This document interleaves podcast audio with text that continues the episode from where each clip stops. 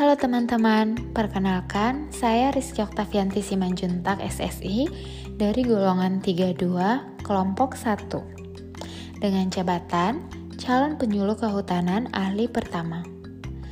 Dan tempat tugas saya di Balai Besar Taman Nasional Gunung Leusar. Pada kesempatan kali ini, saya akan bercerita singkat tentang pengalaman pembelajaran saya selama dua hari ini di Latsar. Nah, pada hari yang pertama diawali dengan pembukaan pelatihan secara sinkronos. Kemudian, ceramah kebijakan pengembangan SDA dan nilai-nilai ASN. Yang kemudian dilanjut dengan penjelasan tentang muatan teknis substansi lembaga. Dan yang terakhir, overview kebijakan penyelenggaraan Latsar CPNS. Pada hari yang kedua, diawali dengan dinamika kelompok dan pembelajaran agenda yang pertama. Hmm, pada saat dinamika kelompok, kami dibimbing oleh coach kami masing-masing, yang kemudian kami dibagi-bagi lagi menjadi kelompok masing-masing, yang mana di dalam satu kelompok berjumlah 10 orang.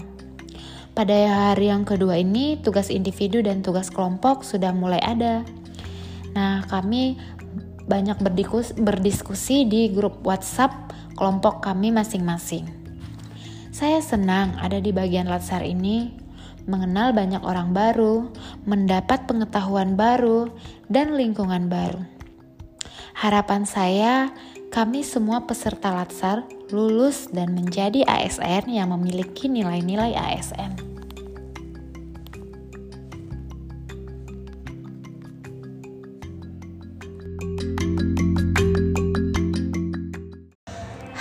Teman-teman, kembali lagi bersama saya Rizky Oktavianti Simanjunta.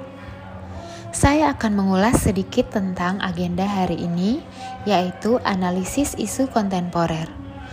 Untuk pengajar pada agenda kali ini adalah Bapak Novianto Bambang.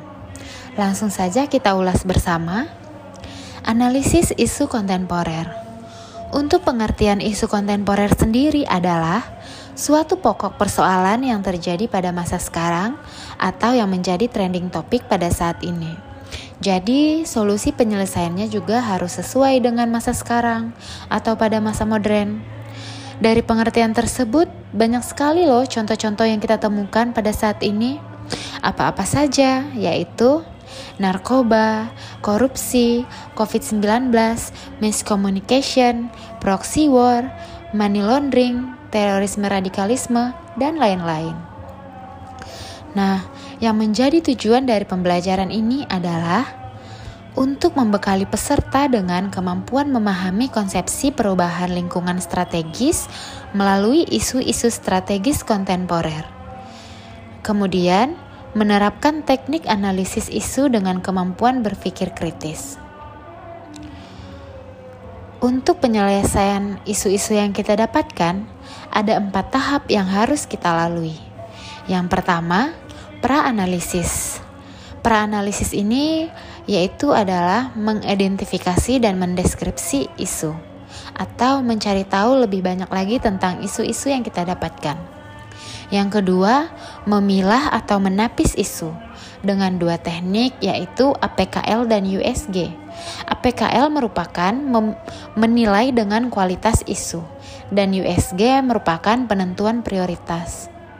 Yang ketiga adalah mendalami atau menganalisis isu dengan cara SWOT, fishbone, mind mapping, dan lain-lain.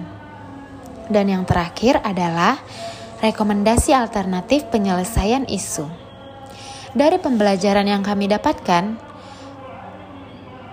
PNS diharapkan memiliki kepekaan dan kepedulian serta bersedia memberikan kontribusi nyata dengan mengembangkan ber, dengan pengembangan berpikir secara kritis dan in, kreatif atau inovatif untuk menghadapi berbagai isu kontemporer yang berpotensi menimbulkan AGHT terhadap keutuhan dan kedaulatan NKRI sebagai wujud dari upaya bela negara.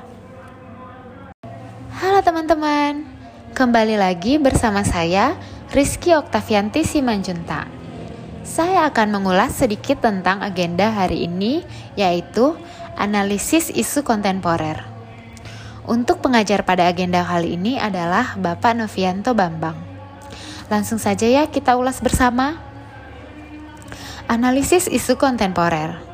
Untuk pengertian isu kontemporer sendiri adalah suatu pokok persoalan yang terjadi pada masa sekarang atau yang menjadi trending topik pada saat ini dan solusi penyelesaiannya juga harus sesuai dengan masa sekarang. Dari pengertian tersebut, banyak sekali contoh-contoh yang kita lihat di sekitar kita ini. Seperti narkoba, korupsi, COVID-19, mass communication, proxy war, money laundering, terorisme, radikalisme, dan lain-lain. Dan tujuan dari pembelajaran ini adalah untuk membekali peserta dengan kemampuan memahami konsepsi perubahan lingkungan strategis melalui isu-isu strategis kontemporer. Kemudian, menerapkan teknik analisis isu dengan kemampuan berpikir kritis. Nah, untuk penyelesaian isu, ada empat tahap yang harus kita lalui. Yang pertama, pra-analisis. Pra-analisis di, yaitu diidentifikasi dan mendeskripsi isu mencari tahu lebih banyak isu-isu yang kita dapatkan. Yang kedua, memilah atau menapis isu dengan dua teknik yaitu APKL dan USG. APKL ini merupakan menilai kualitas isu dan USG merupakan penentuan prioritas. Dan yang ketiga adalah mendalami atau menganalisis isu dengan teknik dengan cara SWOT, fishbone, mind mapping, dan lain-lain. Dan yang terakhir adalah rekomendasi alternatif penyes dan yang terakhir adalah rekomendasi alternatif penyelesaian isu. Dari pembelajaran ini, PNS diharapkan memiliki kepekaan dan kepedulian serta bersedia memberikan kontribusi nyata dengan pengembangan berpikir secara kritis dan kreatif atau inovatif dalam menghadapi berbagai isu kontemporer yang berpotensi menimbulkan ancaman, gangguan, hambatan, dan tantangan terhadap keutuhan dan kedaulatan NKRI sebagai wujud dari upaya bela negara. Halo teman-teman, kembali lagi bersama saya Rizky Oktavianti Simanjuntak. Saya akan mengulas sedikit tentang agenda hari ini yaitu analisis isu kontemporer. Untuk pengajar pada agenda kali ini adalah Bapak Novianto Bambang. Langsung saja ya kita ulas bersama. Analisis isu kontemporer. Untuk pengertian isu kontemporer sendiri adalah suatu pokok persoalan yang terjadi pada masa sekarang atau yang menjadi trending topik pada saat ini. Maka solusi penyelesaiannya juga harus sesuai dengan pada masa sekarang. Dari pengertian tersebut, banyak sekali loh contoh-contoh yang kita temukan pada saat ini. Apa-apa saja? Yaitu ada narkoba, korupsi, COVID-19, mass communication, proxy war, money laundering, terorisme radikalisme, dan lain-lain. Nah, dan menjadi tujuan dari pembelajaran ini adalah untuk membekali peserta dengan kemampuan memahami konsepsi perubahan lingkungan strategis melalui isu-isu strategis kontemporer. Yang kemudian menerapkan teknik analisis isu dengan kemampuan berpikir kritis. Untuk penyelesaian isu, ada empat tahap yang harus kita lalui. Yang pertama, pra-analisis, yaitu dengan cara mengidentifikasi dan mendeskripsi isu. Yang kedua, memilah atau menapis isu dengan dua teknik yaitu APKL dan USG. APKL ini merupakan menilai kualitas isu dan USG merupakan penentuan prioritas.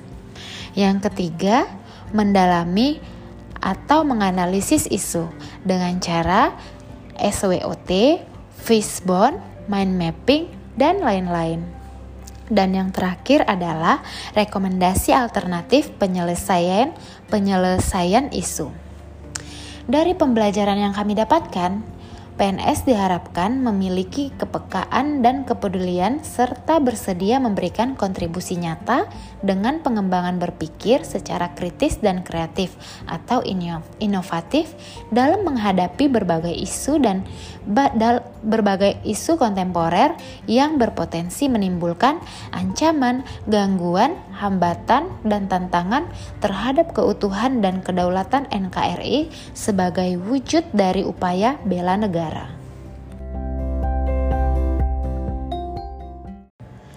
Halo teman-teman, perkenalkan kami peserta Latsar dari kelompok 1 Angkatan 2 Golongan 3 CPNS 2021 Kementerian Lingkungan Hidup dan Kehutanan. Video ini dibuat sebagai salah satu tugas kelompok Latsar dengan tema Wawasan Kebangsaan dan Bela Negara yang diampu dan dibimbing oleh Ibu Insinyur Rahmi Astuti Rohaini MPD dan Bapak Dr. Insinyur Novianto Bambang Wawandono MSI. Selanjutnya, mari kita saksikan bersama cuplikan interview dengan para narasumber. Halo teman-teman, Perkenalkan, kami peserta latsar dari kelompok 1 Angkatan 2 Golongan 3 CPNS 2021 Kementerian Lingkungan Hidup dan Kehutanan. Video ini dibuat sebagai salah satu tugas kelompok latsar dengan tema Wawasan Kebangsaan dan Bela Negara yang diampu dan dibimbing oleh Ibu Insinyur Rahmi Astuti Rohaini MPD dan Bapak Dr. Insinyur Invianto Bambang Wawandono MSI. Selanjutnya, Mari kita saksikan bersama cuplikan interview dengan para narasumber.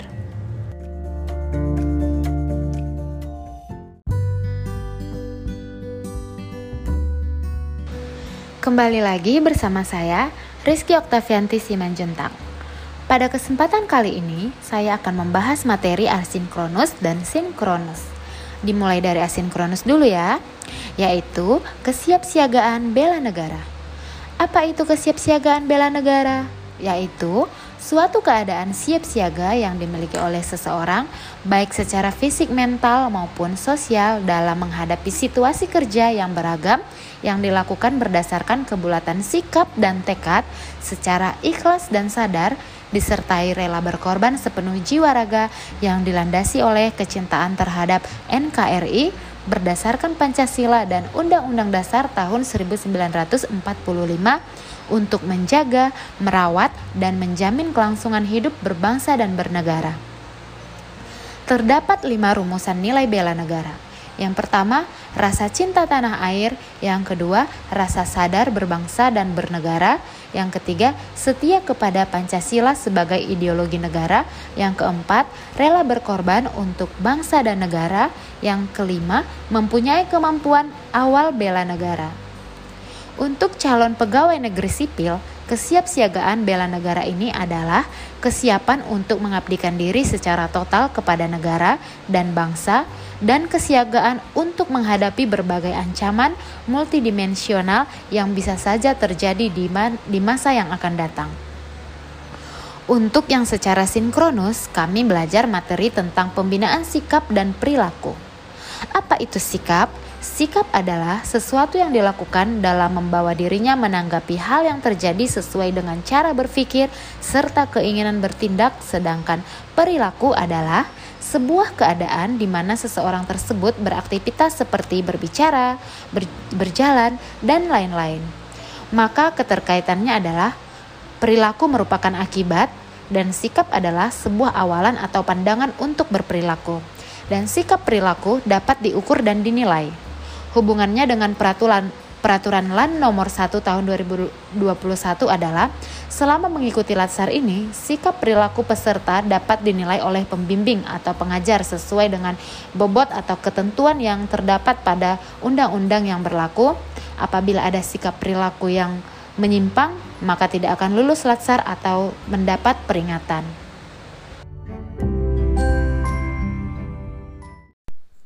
Assalamualaikum warahmatullahi wabarakatuh.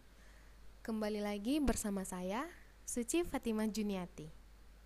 Sama seperti hari-hari sebelumnya, kali ini saya akan memberikan sedikit ulasan mengenai materi pelatihan pada hari ini, Kamis 22 April 2021.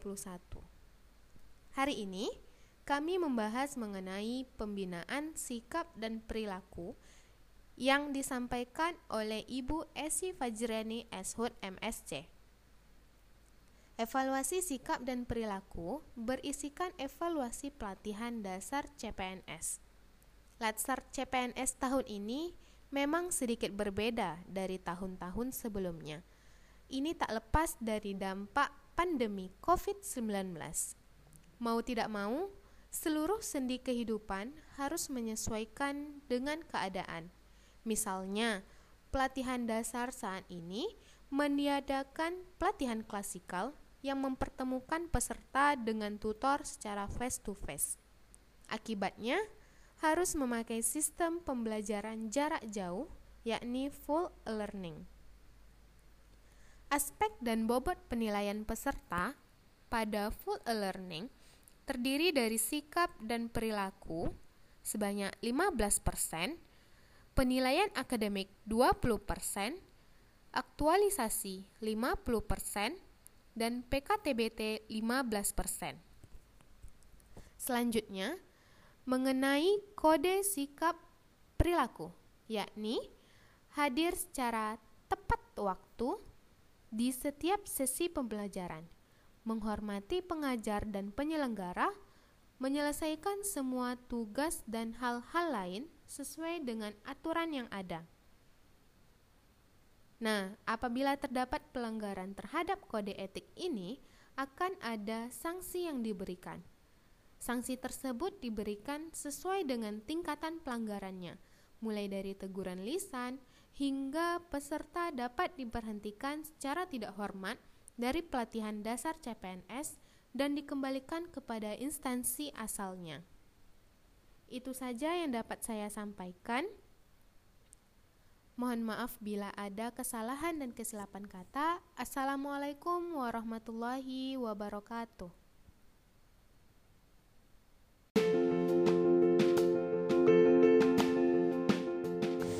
Masih bersama saya, Rizky Oktavianti Simanjuntak. Hari ini saya akan membahas pembelajaran asinkronus dan sinkronus. Untuk yang asinkronus, materi hari ini adalah agenda SPBN atau agenda sikap perilaku bela negara yang bertujuan untuk membekali peserta dengan pemahaman wawasan kebangsaan melalui pemaknaan terhadap nilai-nilai bela negara sehingga peserta memiliki kemampuan untuk menunjukkan sikap perilaku bela negara dalam suatu kesiapsiagaan yang mencerminkan sehat jasmani dan mental menghadapi isu kontemporer dalam menjalankan tugas jabatan sebagai PNS profesional dan pelayan masyarakat. Sebagai PNS, mari kita cintai Indonesia dengan mengenalinya dengan baik hingga kita tulus mencintainya, maka kita akan antusias dan ikhlas untuk membela serta mengelolanya. Kita pun akan menjadi PNS profesional, sehingga visi dan tujuan negara tercapai. Bagaimana kita dapat mewujudkannya? Mulai dari diri kita sendiri. Tanamkan niat yang baik-baik mulai dari hal kecil seperti buang sampah pada tempatnya, datang ke kantor tepat waktu, dan yang terakhir mulai dari saat ini juga.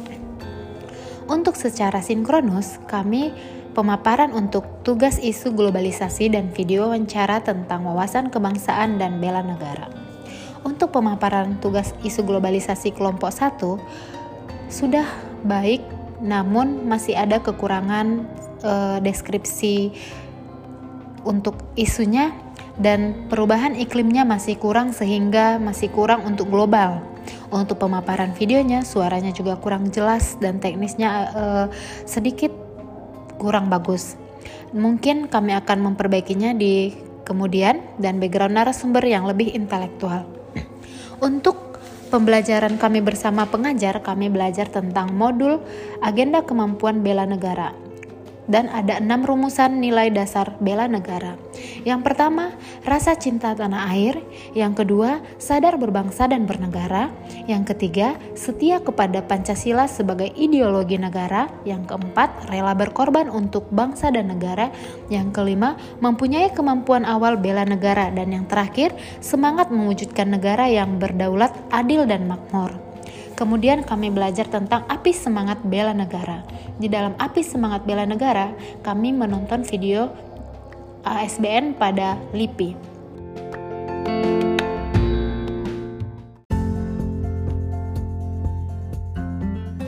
Halo, saya Rizky Oktavianti Simanjuntak.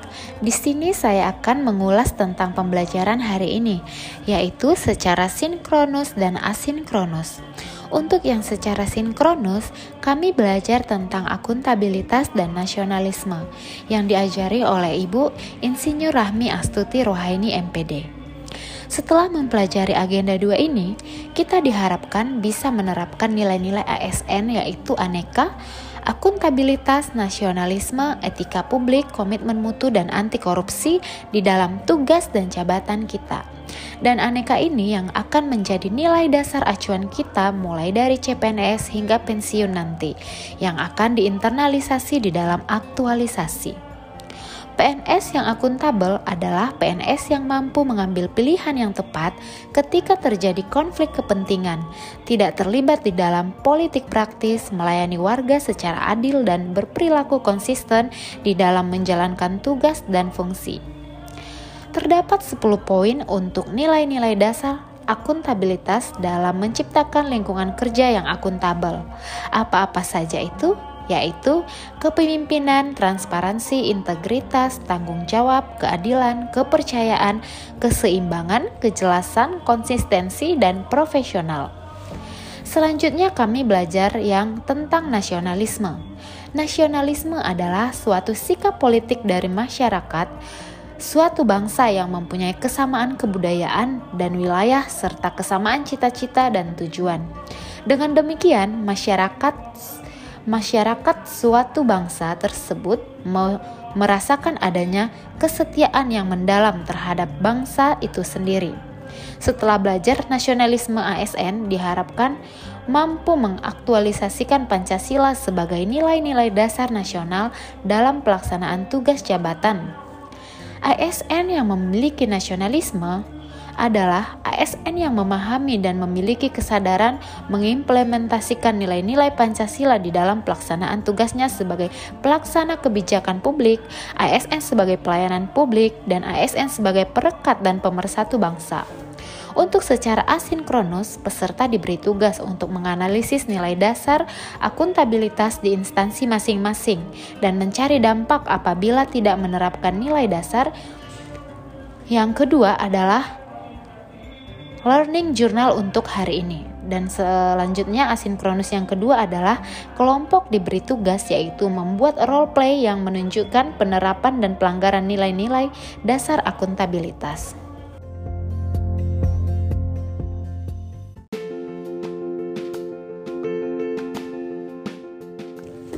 Halo, saya Rizky Oktavianti Simanjuntak. Di sini saya akan bercerita tentang pembelajaran hari ini, yaitu secara sinkronus dan asinkronus. Untuk yang secara sinkronus, kami belajar tentang akuntabilitas dan nasionalisme yang diajari oleh Ibu Insinyur Rahmi Astuti Rohaini MPD. Setelah mempelajari agenda dua ini, kita diharapkan bisa menerapkan nilai-nilai ASN yaitu aneka, akuntabilitas, nasionalisme, etika publik, komitmen mutu, dan anti korupsi. Di dalam tugas dan jabatan kita, aneka ini yang menjadi nilai dasar acuan kita mulai dari CPNS hingga pensiun nanti yang akan diinternalisasi di dalam aktualisasi. PNS yang akuntabel, yang akuntabel adalah PNS yang mampu mengambil pilihan yang tepat ketika terjadi konflik kepentingan, tidak terlibat di dalam politik praktis, melayani warga secara adil dan berperilaku konsisten di dalam menjalankan tugas dan fungsinya. Terdapat 10 poin untuk nilai-nilai dasar akuntabilitas dalam menciptakan lingkungan kerja yang akuntabel. Apa-apa saja yaitu kepemimpinan, transparansi, integritas, tanggung jawab, keadilan, kepercayaan, keseimbangan, kejelasan, konsistensi, dan profesional. Selanjutnya, kami belajar tentang nasionalisme. Apa itu nasionalisme? Nasionalisme adalah suatu sikap politik dari masyarakat suatu bangsa yang mempunyai kesamaan kebudayaan dan wilayah serta kesamaan cita-cita dan tujuan. Dengan demikian, masyarakat suatu bangsa tersebut merasakan adanya kesetiaan yang mendalam terhadap bangsa itu sendiri. Setelah belajar nasionalisme ini, ASN diharapkan mampu mengaktualisasikan Pancasila sebagai nilai-nilai dasar nasional dalam pelaksanaan tugas jabatan. ASN yang memiliki nasionalisme kuat adalah ASN yang memahami dan memiliki kesadaran mengimplementasikan nilai-nilai Pancasila dalam pelaksanaan tugasnya sebagai pelaksana kebijakan publik, ASN sebagai pelayan publik, dan ASN sebagai perekat dan pemersatu bangsa. Untuk yang secara asinkronos, peserta diberi tugas untuk menganalisis nilai dasar akuntabilitas di instansi masing-masing dan mencari dampak apabila tidak menerapkan nilai-nilai dasar akuntabilitas. Yang kedua adalah learning journal untuk hari ini. Dan untuk yang asinkronis yang kedua adalah kelompok diberikan tugas yaitu membuat role play yang menunjukkan penerapan dan pelanggaran nilai-nilai dasar dari akuntabilitas. Terima kasih.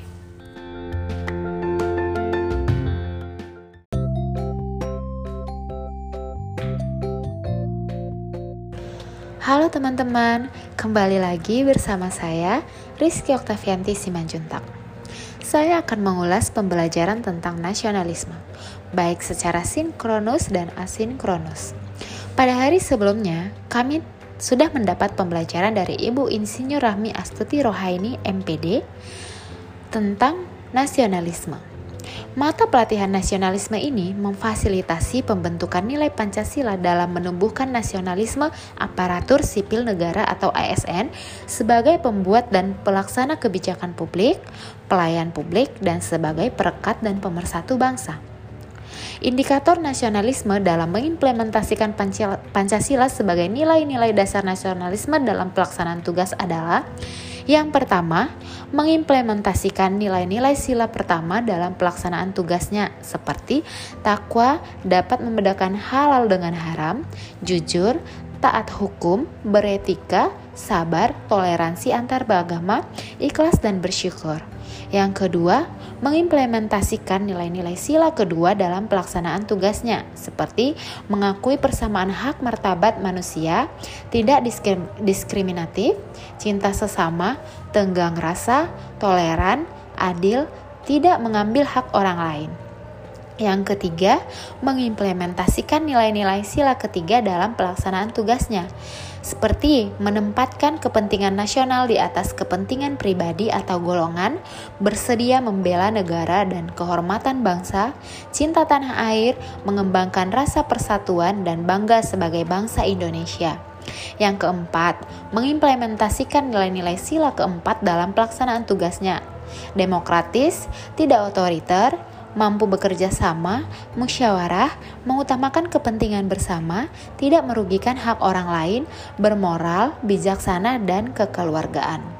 Dan yang terakhir, mengimplementasikan nilai-nilai sila kelima dalam pelaksanaan tugasnya, seperti adil, memperhatikan nasib orang lain, empati, penolong, seimbang antara tugas dan kewajiban, dan tidak serakah.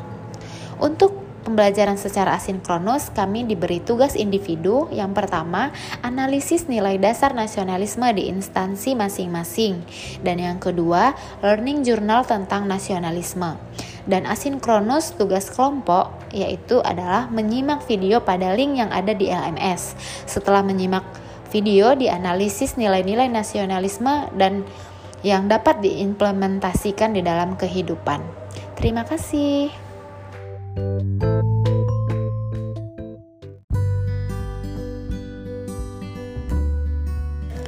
teman-teman, kembali lagi bersama saya Rizky Oktavianti Simanjuntak.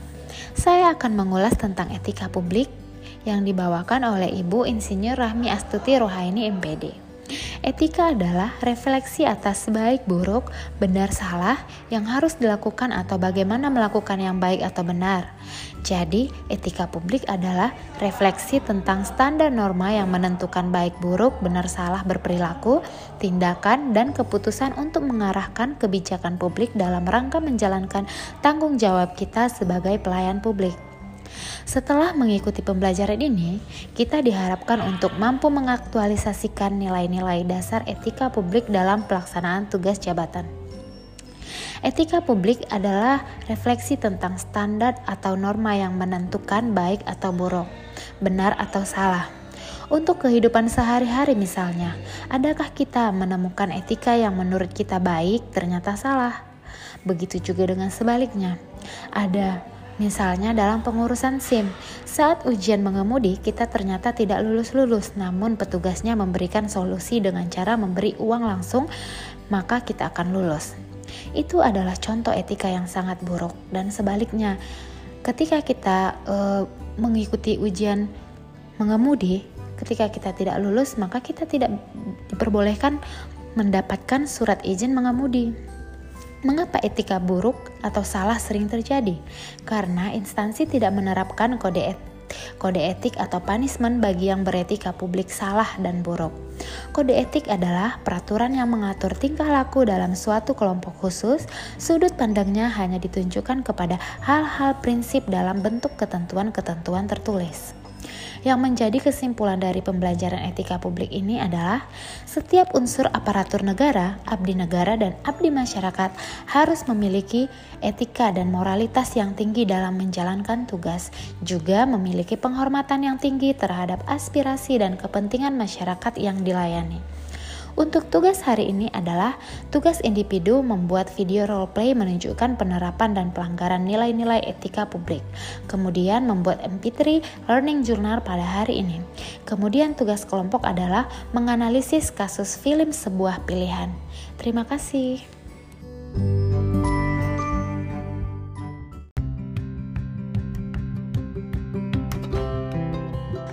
Hai teman-teman, kembali lagi bersama saya Rizky Oktavianti Simanjunta untuk membahas tentang materi hari ini yaitu komitmen mutu yang diampu oleh Ibu Insinyur Rahmi Astuti Rohaini MPD. Komitmen mutu adalah konsep mengenai efektivitas, efisiensi, inovasi, dan mutu penyelenggaraan pemerintah. Dari pengertian komitmen mutu tersebut ada empat hal yang saling berkenaan. Yang pertama, efektivitas. Efektivitas adalah sejauh mana organisasi dapat mencapai tujuan yang ditetapkan atau berhasil mencapai apa pun yang coba dikerjakan. Yang kedua, efisiensi. Efisiensi adalah jumlah sumber daya yang digunakan untuk mencapai tujuan organisasional Efisiensi organisasi ditentukan oleh berapa banyak bahan baku, uang, dan manusia yang dibutuhkan untuk menghasilkan jumlah keluaran tertentu. Yang ketiga, inovasi.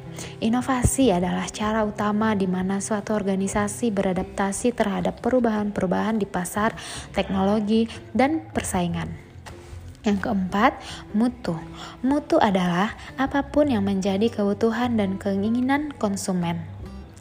Manajemen mutu terpadu atau Total Quality Management terdiri atas kegiatan perbaikan berkelanjutan yang melibatkan setiap orang demi organisasi melalui usaha yang terintegrasi secara total untuk meningkatkan kinerja. Dan yang menjadi kesimpulan dari pembelajaran hari ini adalah yang pertama, aktualisasi nilai dasar komitmen mutu dalam pelaksanaan tugas aparatur akan mendorong terciptanya iklim budaya kerja unggul yang dapat menumbuhkan keberanian untuk menampilkan kreativitas dan inovasi. Dengan demikian, pergeseran orientasi kerja diarahkan untuk memotivasi aparatur mengubah mindset menuju layanan yang bermutu. Yang kedua, orientasi kerja bukan pada kewajiban menjalankan rutinitas kegiatan, melainkan pada semangat pengabdian untuk memberi layanan publik yang terbaik dan siap menghadapi berbagai kendala atau constraint. Yang ketiga, orientasi aparatur bukan dilayani, melainkan melayani. Dan untuk tugas hari ini adalah tugas individu dan tugas kelompok. Tugas individu yang pertama menganalisis nilai-nilai komitmen mutu di instansi. Dan tugas individu yang berikutnya adalah learning journal tentang materi hari ini dan secara sinkronus dan asinkronus. Dan untuk tugas kelompok membuat video gagasan kreatif. Terima kasih. Anti korupsi. Anti korupsi adalah sebuah gerakan budaya dalam menumbuhkan nilai-nilai anti korupsi. Banyak upaya pencegahan korupsi pada masa sekarang ini, seperti pendidikan anti korupsi dimulai sejak dini. Dan sebagai wujud anti korupsi di lingkungan kerja seperti tidak menggunakan waktu kerja untuk hal lain di luar kerja, tidak menunda-nunda pekerjaan yang sudah harus dikerjakan, dan menghindari konflik kepentingan dalam lingkungan rumah maupun lingkungan kerja.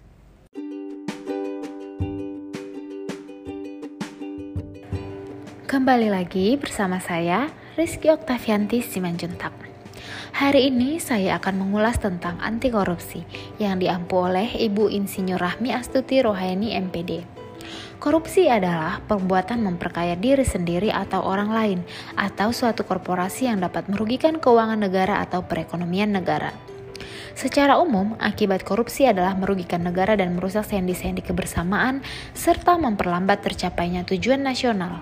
Di antaranya dari segi tata ekonomi seperti pemborosan sumber-sumber, larinya modal ke luar negeri, gangguan terhadap perusahaan, dan gangguan penanaman modal. Dari segi tata sosial budaya seperti revolusi sosial dan ketimpangan sosial.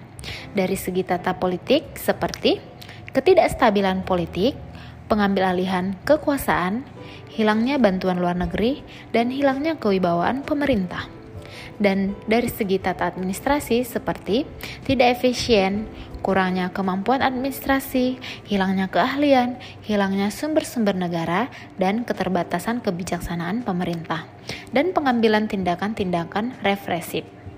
Bagaimana ciri-ciri anti korupsi itu? Yang pertama, dilakukan oleh lebih dari satu orang. Yang kedua, merahasiakan motif atau ada keuntungan yang diraih. Yang ketiga, berhubungan dengan kekuasaan dan atau kewenangan tertentu. Yang keempat, berlindung di balik pembenaran hukum. Dan yang kelima, melanggar kaedah kejujuran dan norma hukum. Dan yang keenam, mengkhianati kepercayaan. Bagaimana pencegahan korupsi dapat dilakukan?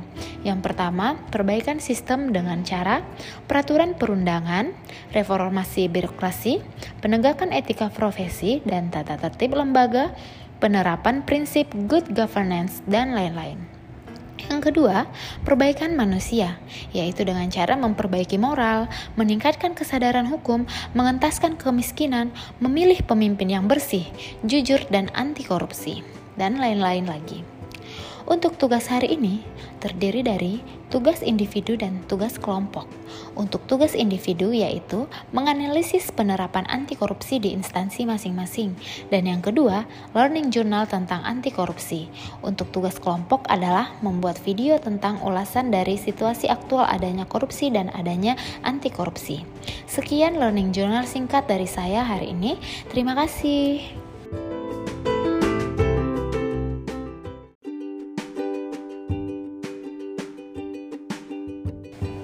Kembali lagi bersama saya, Rizky Oktavianti Simanjuntak. Hari ini saya akan mengulas tentang anti korupsi yang diampu oleh Ibu Insinyur Rahmi Astuti Rohaini MPD. Korupsi adalah perbuatan memperkaya diri sendiri atau orang lain atau suatu korporasi yang dapat merugikan keuangan negara atau perekonomian negara. Secara umum, akibat korupsi adalah merugikan negara dan merusak sendi-sendi kebersamaan serta memperlambat tercapainya tujuan nasional di antaranya dari segi tata ekonomi seperti pemborosan sumber-sumber, larinya modal ke luar negeri, gangguan terhadap perusahaan, gangguan penanaman modal da, e, dari segi tata sosial budaya seperti revolusi sosial dan ketimpangan sosial. Dari segi tata politik seperti ketidakstabilan politik, pengambil alihan kekuasaan, hilangnya bantuan luar negeri, hilangnya kewibawaan pemerintah. Dan dari segi tata administrasi seperti tidak efisien, kurangnya kemampuan administrasi, hilangnya keahlian, hilangnya sumber-sumber negara, keterbatasan kebijaksanaan pemerintah, dan pengambilan tindakan-tindakan represif. Bagaimana ciri-ciri anti korupsi itu? Yang pertama, dilakukan oleh lebih dari satu orang. Yang kedua, merahasiakan motif atau keuntungan yang diraih. Yang ketiga, berhubungan dengan kekuasaan atau kewenangan tertentu. Yang keempat, berlindung di balik pembenaran hukum. Yang kelima, melanggar kaedah kejujuran dan norma hukum. Dan yang keenam, mengkhianati kepercayaan.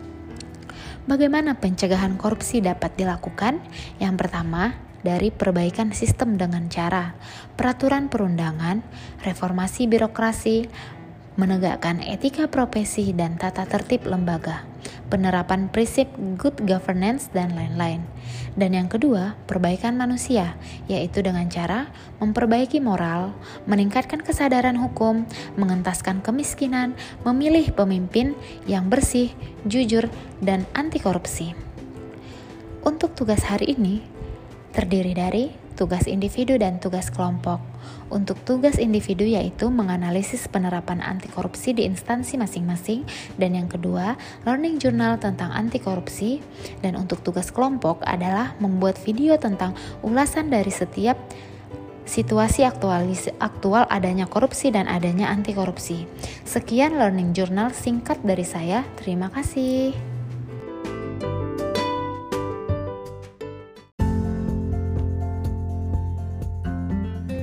Halo teman-teman, perkenalkan nama saya Rizky Oktavianti Simanjuntak. Jabatan saya calon penyuluh kehutanan di Balai Besar Taman Nasional Gunung Leuser. Learning Journal hari ini adalah ulasan tentang agenda 3 yaitu kedudukan dan peran PNS dalam NKRI yang mana berfokus kepada manajemen ASN yang diampu oleh Ibu Dr. Sri Harteti SPI MSI. Pada mata diklat ini, kami membahas yang pertama, kedudukan, peran, hak, dan kewajiban dan kode etik ASN. Yang kedua, konsep sistem merit dalam pengelolaan ASN. Yang ketiga, mekanisme pengelolaan ASN. Fungsi ASN yang pertama, pelaksana kebijakan publik, yang kedua pelayan publik, dan yang terakhir perekat dan pemersatu bangsa. Tugas ASN yang pertama melaksanakan kebijakan publik yang dibuat oleh pejabat pembina kepegawaian sesuai dengan ketentuan peraturan perundang-undangan. Kemudian memberikan pelayanan publik yang profesional dan berkualitas dan yang terakhir mempererat persatuan dan kesatuan NKRI. Peran ASN, perencana, pelaksana, dan pengawas. ASN dituntut untuk menjadi lebih profesional dalam memberikan pelayanan kepada masyarakat. Bagaimana kewenangan dan hubungan otoritas lembaga, yaitu Menteri, Kementerian Pan-RB berperan yang pertama perumusan dan penetapan kebijakan, yang kedua koordinasi dan sinkronisasi kebijakan, dan yang ketiga pengawasan atas pelaksanaan kebijakan ASN.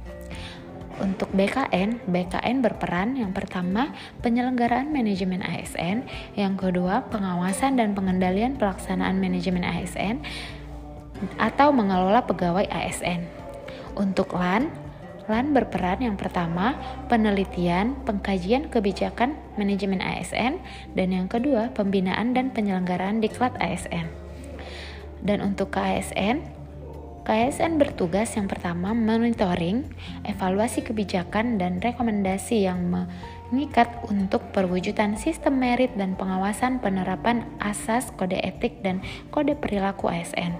Untuk yang secara asinkronus kami ditugaskan untuk menganalisis isu manajemen ASN di instansi kemudian dianalisis. Yang kedua bertugas untuk membuat learning journal yang yang berkaitan dengan manajemen ASN. Dan yang terakhir adalah tugas kelompok yaitu role play agenda 3 yang baik dan yang buruk. Sekian dan terima kasih.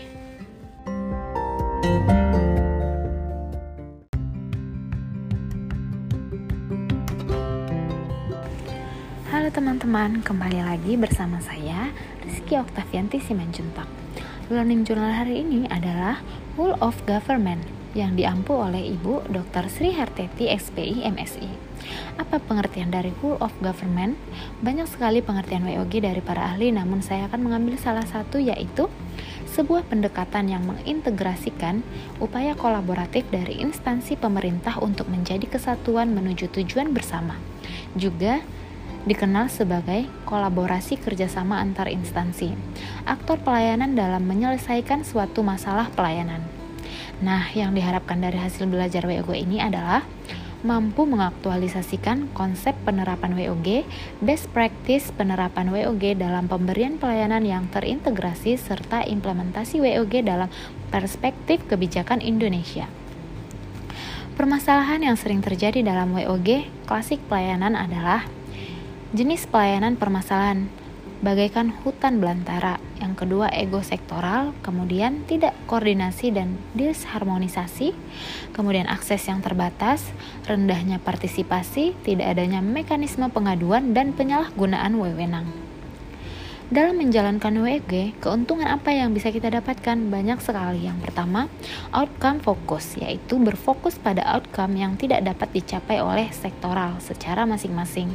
Kemudian, boundary spanning, yaitu implementasi kebijakan tidak hanya melibatkan satu instansi tetapi lintas instansi.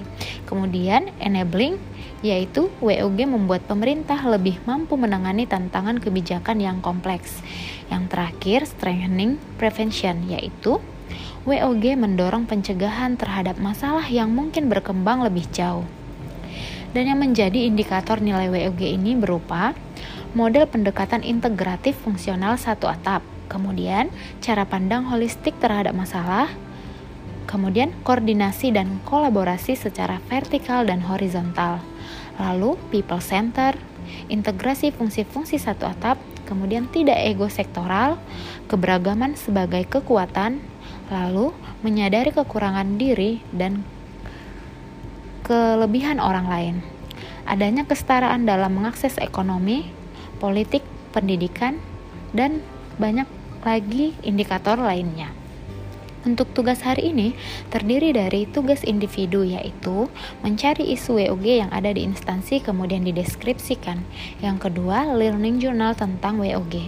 Dan yang menjadi tugas kelompok adalah menganalisis kasus yang telah diberikan mentor lalu mencari upaya untuk menyelesaikan isu. Terima kasih.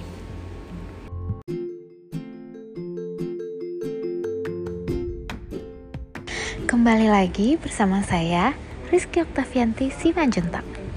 Seperti biasa, saya akan mengulas sedikit materi hari ini yaitu pelayanan publik yang diampu oleh Ibu Dr. Sri Harteti SPI MSI.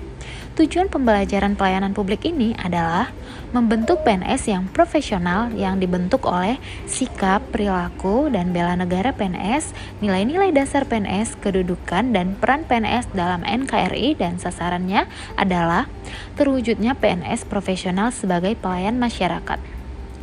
Menurut Undang-Undang Nomor 25 Tahun 2009, pelayanan publik adalah kegiatan atau rangkaian kegiatan dalam rangka pemenuhan kebutuhan pelayanan sesuai dengan peraturan perundang-undangan bagi setiap warga negara dan penduduk atas barang, jasa, dan atau pelayanan administratif yang disediakan oleh penyelenggara pelayanan publik. Unsur-unsur pelayanan publik ada, adalah yang pertama organisasi penyelenggara, yang kedua penerima layanan, yang ketiga kepuasan pelanggan. Prinsip dari pelayanan publik ada sembilan, yaitu yang pertama partisipatif, kedua transparan, tiga responsif, empat tidak diskriminatif, lima mudah dan murah, enam efektif dan efisien, yang ketujuh aksesibel, yang kedelapan akuntabel, dan yang terakhir berkeadilan. Pola pikir ASN sebagai pelayanan publik harus memberikan pelayanan publik profesional, bebas dari intervensi politik, ber, bersih dari pol, praktik korupsi, kolusi, dan nepotisme. Nah, masalah klasik yang kita temukan dalam pelayanan publik di, di Indonesia berupa yang pertama, biaya yang mahal, yang kedua, prosedurnya sulit dipenuhi dan harus melalui tahapan yang berbelit-belit.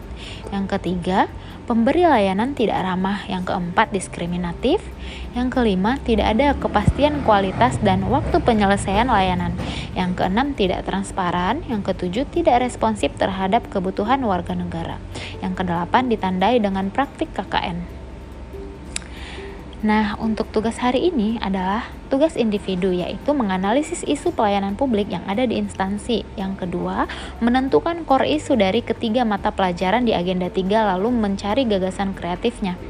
Dan yang ketiga adalah learning journal tentang pelayanan publik.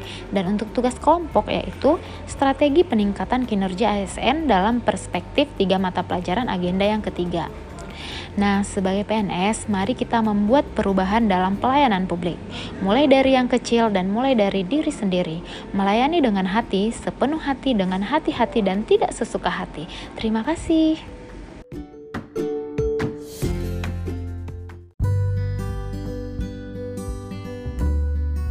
Jadi teman-teman tugas kita itu seperti ini.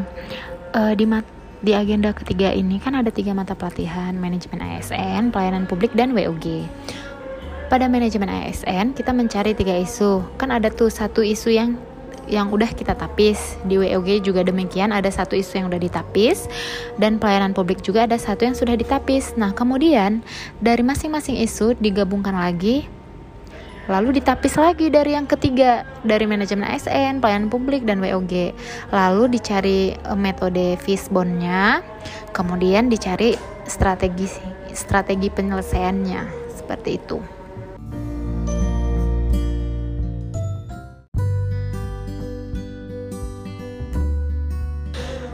Jadi, teman-teman, tugas individu yang kedua itu adalah penetapan core issue, yaitu kan di agenda 3 ini kan ada tiga mata pelatihan yang pertama manajemen ASN, WOG dan pelayanan publik. Nah kan dari awal kita sudah mencari tiga isu dari manajemen ASN dan satu isu yang tertapis. Begitu juga dengan WOG tiga isu satu isu yang tertapis. Begitu juga dengan pelayanan publik tiga isu satu yang tertapis. Dari semuanya itu kan uh, ada yang tertapis digabungkan lagi menjadi tiga Nah, dari ketiganya ditapis lagi dengan metode APKL atau apa yang Anda kuasai. Kemudian kita analisis dengan metode apa yang kita kuasai, boleh fishbone, boleh SWOT. Nah, kemudian kita mencari gagasan kreatif apa yang dapat kita lakukan untuk menyelesaikan core isu yang sudah kita tentukan dari tiga isu tersebut. Seperti itu kira-kira ya, Cimeweo.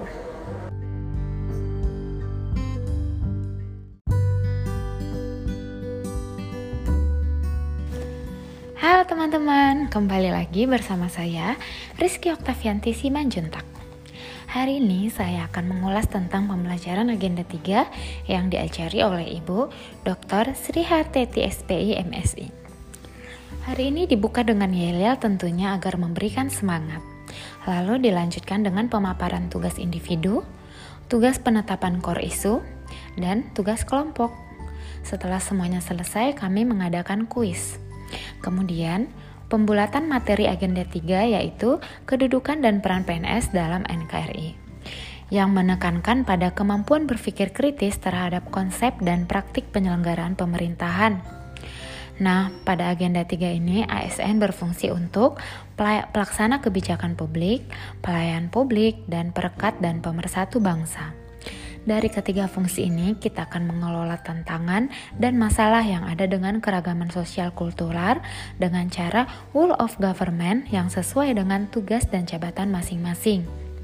Tujuan pembelajaran agenda 3 ini adalah dari segi manajemen ASN, memahami kedudukan, peran, hak dan kewajiban, kode etik ASN, konsep sistem merit dalam pengelolaan ASN dan pengelolaan ASN dari segi rule of government yaitu mampu mengaktualisasikan konsep penerapan rule of government dan best practice penerapan WOG dalam pemberian pelayanan yang terintegrasi. Dari segi pelayanan publik yaitu mampu mengaktualisasikan pelayanan publik yang berkualitas sesuai jabatannya kepada masyarakat atau stakeholder yang dilayaninya. Pada setiap mata pelatihan memiliki masing-masing indikator nilai.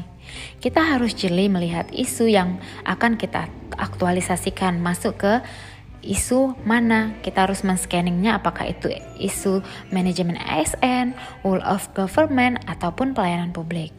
Nah, setelah kita mendapatkan isu yang akan diaktualisasikan, maka kita akan membuat gagasan kreatif yang sesuai dengan isu, lalu masuk ke kegiatan yang akan kita lakukan di aktualisasi nanti. Untuk pembelajaran secara asinkronus hari ini adalah membuat learning journal tentang pembelajaran hari ini yaitu pembulatan pembelajaran tentang agenda 3. Sekian dari saya, terima kasih.